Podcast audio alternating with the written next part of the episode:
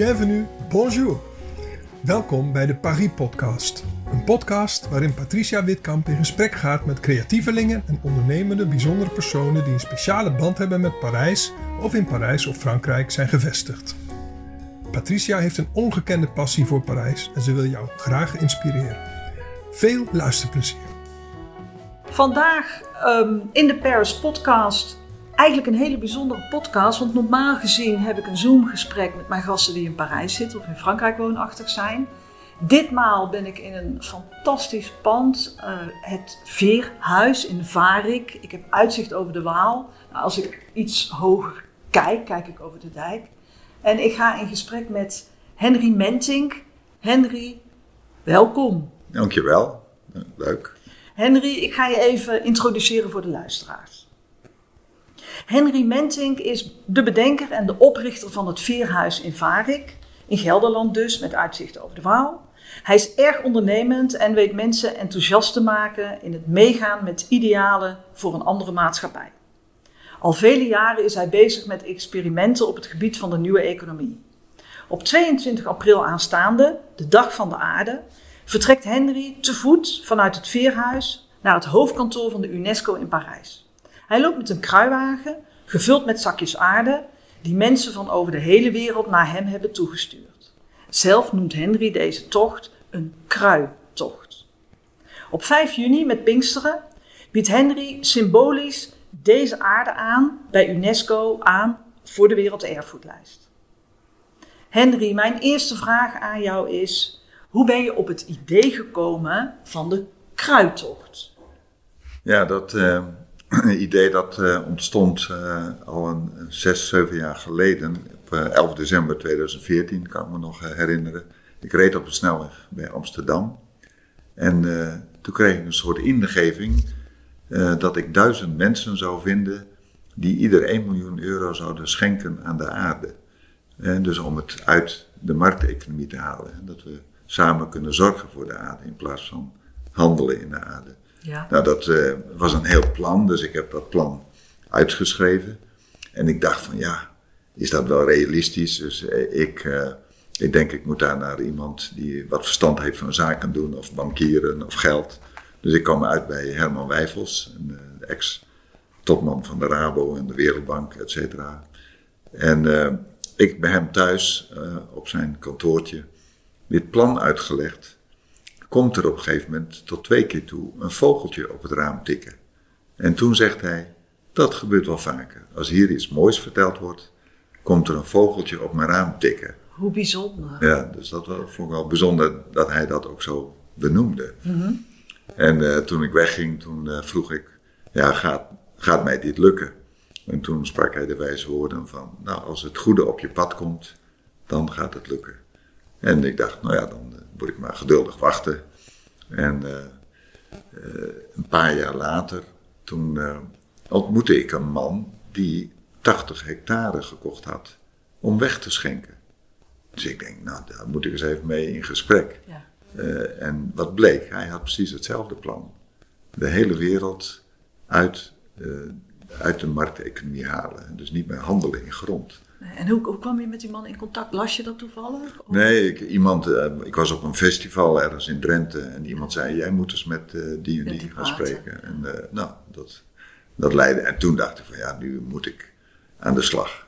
En, en aan de slag betekende dat ik. ik kan wel een mooi plan, een mooi idee hebben, maar dan moet je ook zelf het voorbeeld geven. Want anders dan blijft het luchtfietserij. Ja, dan moet je ook echt zelf letterlijk die kruiwagen gaan optillen? Gaan, ja, die kruiwagen kwam daarna in beeld, want eerst had ik dus het plan van, uh, uh, ik moet dan de grond onder het veerhuis waar we hier nu zijn, ja. uh, die moet ik dan ook wegschenken. Dus toen heb ik een crowdfundactie gedaan en heeft bijna twee ton aan schenkgeld opgeleverd. Daarmee kon ik het uit de markteconomie vrijkopen en wegschenken aan een stichting die het nooit meer verkoopt. Ja. Nou, dan heb je dan ontstaat er een situatie van uh, uh, niet meer handelen in deze grond, maar ervoor zorgen met, uh, met de gemeenschap om je heen. Nou, dat, dat was de eerste concrete actie. en wat er ook gebeurde was dat ik eh, uitgenodigd was bij, eh, in Ruigoord, dat is zo'n kunstenaarsdorpje bij eh, Amsterdam. Ja. Die vroegen mij een lezing te houden over dit soort ideeën, een nieuwe economie en hoe dat dan werkt. En toen zei iemand tegen mij, weet je wat, je moet Ruigoord op de werelderfgoedlijst zetten. En eh, toen dacht ik, dat is eigenlijk vreemd. Waarom niet de hele aarde? Ja. En eh, nou, toen, eh, toen ben ik met die kruiwagen, ik dacht om, dat te symboliseren, om dat uit te drukken, ben ik naar de beursgebouw in Amsterdam, ben ik letterlijk een kruiwagen aarde naar binnen gereden. En er weer uit, om de aarde als ware symbolisch van de beurs te halen. Het is jammer dat we het gesprek niet filmen, want ik zie de sprankeling in je ogen op het Ja. moment dat je zegt de aarde op de werelderfgoedlijst. Ja. Eh, Henry, wat is het doel van je tocht? Nou ja, het doel is om dit soort denken eh, van hoe, hoe gaan we om met eigendom, om, om dat zichtbaar te maken, om dat bekend te maken. Want het is niet alleen het stukje grond onder het veerhuis, maar er zijn echt, ik heb inmiddels duizenden hectares gespot over de hele wereld, waar dat het geval is. Eh, en, eh, en om dat zichtbaar te maken, want dat is, ja, dat hoor je niet in de media en het is, het kopen en verkoop van grond is een gewoon normaal iets. Maar het kan ook anders en kan daardoor ook veel meer winst opleveren voor de samenleving als geheel. Nou, dat, dat is iets eh, waar ik dus aandacht voor wil vragen met die kruidtocht. En op die kruidtocht, die gaat dus van het dorpje Varik naar Parijs, eh, UNESCO-gebouw. En toen ik een, eh, eh, op Google Maps met het loopicoontje zo die lijn trok, was het bijna een rechte lijn. Ja. Want je gaat niet over hoofdwegen, maar binnendoor. En op die rechte lijn ontdekte ik heel veel mooie initiatieven van mensen die al bezig zijn met zorgen voor de aarde. En nou, die, dus die tocht duurt 45 dagen. Dus elke dag kom ik wel bij een plek waar iets moois eh, gebeurt. Ja, even, eh, even voor de luisteraar. Je loopt concreet 45 dagen, een kilometer of 10, 15 per dag. Ja. Ehm, kun, jij, ehm, kun jij concreet wat meer vertellen? Wat gebeurt er allemaal tijdens de tocht? Ja, ik weet een aantal dingen weet ik al, dus misschien klink ik nu wat aarzelend. Maar eh, kun je misschien wat voorbeelden geven? Hoe, hoe ziet het eruit? Ja, nou, wij, ehm, eh, laat me zeggen, ik vertelde al dat het met eh, dat idee bij Ruigoord begon. Dus Ruigoord die gaat op de tweede dag meelopen in een soort karavaan. En dan verkleden zij zich als, als dieren. Oh, ja. en, en het hoofddier wat ze willen gaan uitbeelden is de regenworm. En de regenworm, die, die zit in de aarde. En met de gedachte van als we nou, en dan denken we aan biodiversiteit. Als we nou die regenworm weten te redden, dan hebben we de rest ook. Ja. En eh, dus we willen, zeggen, dat is dan een voorbeeld. Op die dag besteden we aandacht aan de biodiversiteit met de regenworm. Heel symbolisch. Eh, heel symbolisch. En eh, nou, even verder komen we in, eh, in Tilburg aan. Eh, daar heeft iemand naar aanleiding van, het, eh, van die kruidtocht een, een heel festival georganiseerd bij, in de Muzentuin bij Fontes Hogeschool. Nou, daar komen ook allemaal steentjes en, en ze willen daar een, een soort een, een kruiwagenrace organiseren. Nou, we willen ook graag heel veel plezier maken, hè, want Ja. daar is ook wel wat behoefte aan om eh, weer wat vrolijkheid te brengen. Eh, nou, dat is een. eh, en dan nog een voorbeeld wat ik ook bijzonder vind, is eh, een, een arts in, vlakbij Antwerpen. Die heeft een. die is arts voor burn-out en stress. En die heeft een, een boomgaat, hij noemt dat de droomgaat, en die behandelt de patiënten in, in de boomgaat. En want als je in de natuur bent, dan ontvang je ook andere energie dan als je in een, eh, in een kantoortje zit. Eh, en eh, die arts die heeft onlangs besloten om een hectare grond bij te kopen voor een grotere boomgaard. En die hectare gaat hij ook wegschenken. Zo van dat dat nooit meer verkocht wordt, dat we met elkaar gaan zorgen voor de aarde. Nou, dat is een heel, eh, heel mooi initiatief. Ja, dat er meer droomgaarden mogen komen. Meer droomgaarden, ja. Nou, en een leuk voorbeeld van een droomgaard, maar dan net anders, eh, vonden we in, eh, in, in Frankrijk. Daar is een organisatie die heet Terre de Liens. Eh, dat is een voorsprong, van oorsprong dus een Nederlandse boer die daar 40 jaar geleden heen getrokken is. En die, heeft, die is een biologische boerderij begonnen. Maar ook met het idee van, kunnen we die grond niet vrijmaken dat we er niet meer in hoeven te handelen. Nou, hij heeft in, de, dus in 2001 mee begonnen, een fonds opgezet om geld op te halen. En heeft al inmiddels 5000 hectare weten vrij te kopen. Voor tientallen boerderijen door heel Frankrijk. Nou, één van die boerderijen lag toevallig op de, Op de route. route, Ja, het is Dus, niet eh, toevallig, denk ik. Nee, nee, nou, ja, wat is ja, toeval? ja. Ik zeg wel eens toeval is het eh, de, de planningsafdeling van de hemel. Ja, zoiets, ja. Ja, heel bijzonder. En ehm, eh, is het voor jou goed te doen, die, die 10, 15 kilometer per dag? Want ik begreep ook dat er gaat veel pers mee reizen. Iemand ook op een fiets. Ja. Er sluiten mensen aan gedurende de route. Ja. Nou ja, mensen die, eh, die meelopen, de, ik heb al een aantal proeftochten gedaan, eh, die, en die kunnen ook een stukje van de kruiwagen kruien. Hè. Dus dat, en het is, die proeftocht, dat was trouwens wel leuk, dan loop je, de eerste tocht die gaat naar Veldriel.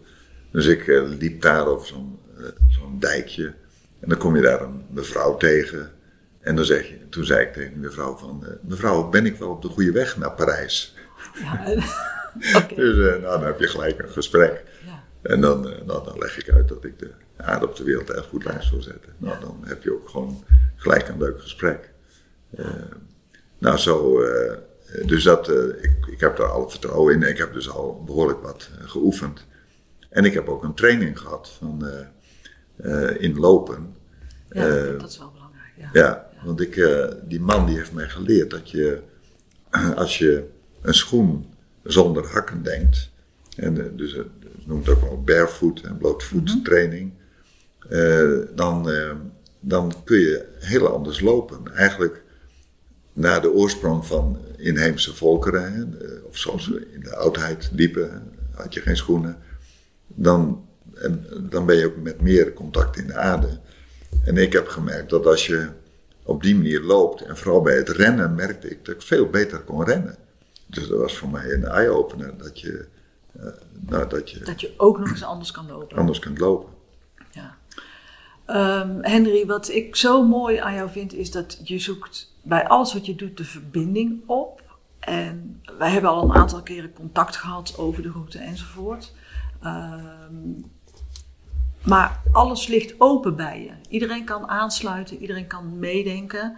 En zoals ik het nu zie, denk ik dat er tot op de laatste dag nog meer mensen aansluiten. He, zo hebben we onder Ja. andere ook eh, een aantal scholen die meedoen, kinderen die meedoen, eh, meedoen. Er zijn wat leuke dingen in Parijs. Heel specifiek wil ik je vragen naar de Ja. Notre Dame. Ja, de Notre Dame. Ja, ik heb, ik- we zijn eh, ook al even. Ik ben twee weken terug in, in Parijs ook geweest en Ja. even verkennen. En ja, daar kom je de. we komen ook langs, de route gaat ook langs de Notre Dame. En toen dat gebeurde met die brand en daar zoveel eh, geld beschikbaar was, toen dacht ik van ja, er is, er is eigenlijk heel veel geld. En, eh, en de Notre Dame die staat ook op de Werelderfgoedlijst. En bij de Notre Dame hebben we het gevoel, daar willen we voor zorgen. Dat, dat moet toch hersteld worden. Nou, dat is zo logisch als wat. En eh, bij Notre Dame moest ik denken aan Notre, onze dame, onze moeder. moeder, ja. Dus moeder aarde is daar voor moeder aarde eigenlijk niet hetzelfde. En dat we, moeder aarde die heeft het ook eh, behoorlijk zwaar. Hè? Als je kijkt naar de verontreinigingen in rivieren, in de plastics in de oceanen. En daar, dan, dat, dat, dat, dat gaat heel wat geld kosten, maar dat is er. En, en, en dan kun je zeggen van ja, dan hoe ga ik dat geld ophalen? Ik denk dat het veel belangrijk is dat we met elkaar, eh, rijk of arm, in een nieuw bewustzijn stappen van hoe gaan we met elkaar om, eh, met de aarde om eh, en, en vanuit samenwerking dingen doen. En, eh, en dat kan ook beginnen in het bedrijfsleven. hè. Ik heb zelf een aantal bedrijven opgezet en ook in het bedrijfsleven gewerkt. En ik hanteer daar nu het uitgangspunt in plaats van kosten gaan voor de baten uit. Relaties gaan voor de baten uit. Ja. Want als je denkt in kosten gaan voor de baten uit, dan denk je in termen van geld. En ik zeg niet dat geld niet belangrijk is, maar als je denkt vanuit relaties, dan ga je met elkaar kijken van eh, welk bedrijf, hoe kunnen we dat opzetten. Eigenlijk, uh, laat me zeggen, boot je de natuur na. En de, natuur waar ook een zaadje begint eh, met uitlopen, twee blaadjes, vier blaadjes. Nou, zo kun je ook een bedrijf beginnen. Zo ben ik ook uh, MyWheels, dat is een deelautobedrijf, begonnen. En gewoon eerst één auto, drie gezinnen. En toen had ik zes auto's na tien jaar, hè, dus dat ging heel geleidelijk. En veertig deelnemers. En toen dacht ik van, nu moet ik er een echt bedrijf van maken. En toen heb ik een uh, coöperatie opgestart met het idee van, we kunnen de auto's delen, maar we kunnen ook de winst delen of de verantwoordelijkheid delen. Dus het echt met elkaar doen. En uh, nou, dat is inmiddels een groot succes ja, geworden. Dus als ik het samenvat in mijn eigen woorden en als ik dan bedenk wat het voor mij echte waarde zit niet altijd in je portemonnee. Nee. De echte waarde is de diepgang en de verbinding die je maakt. Ja. Ehm, ik denk dat dat een mooie afsluiter is voor de podcast. Ik wens je heel erg veel succes. Ja. Ik hoop dat ik erbij kan zijn uh, met Pinkster in Parijs. Ja. Uh, hangt nog even van een aantal dingen af. Um, maar goed, ik, ik hou contact met jou. En uh, waar ik kan helpen, doe ik dat voor je. Dankjewel. Super. Ja. Dankjewel voor het luisteren naar deze Paris-podcast. A bientôt!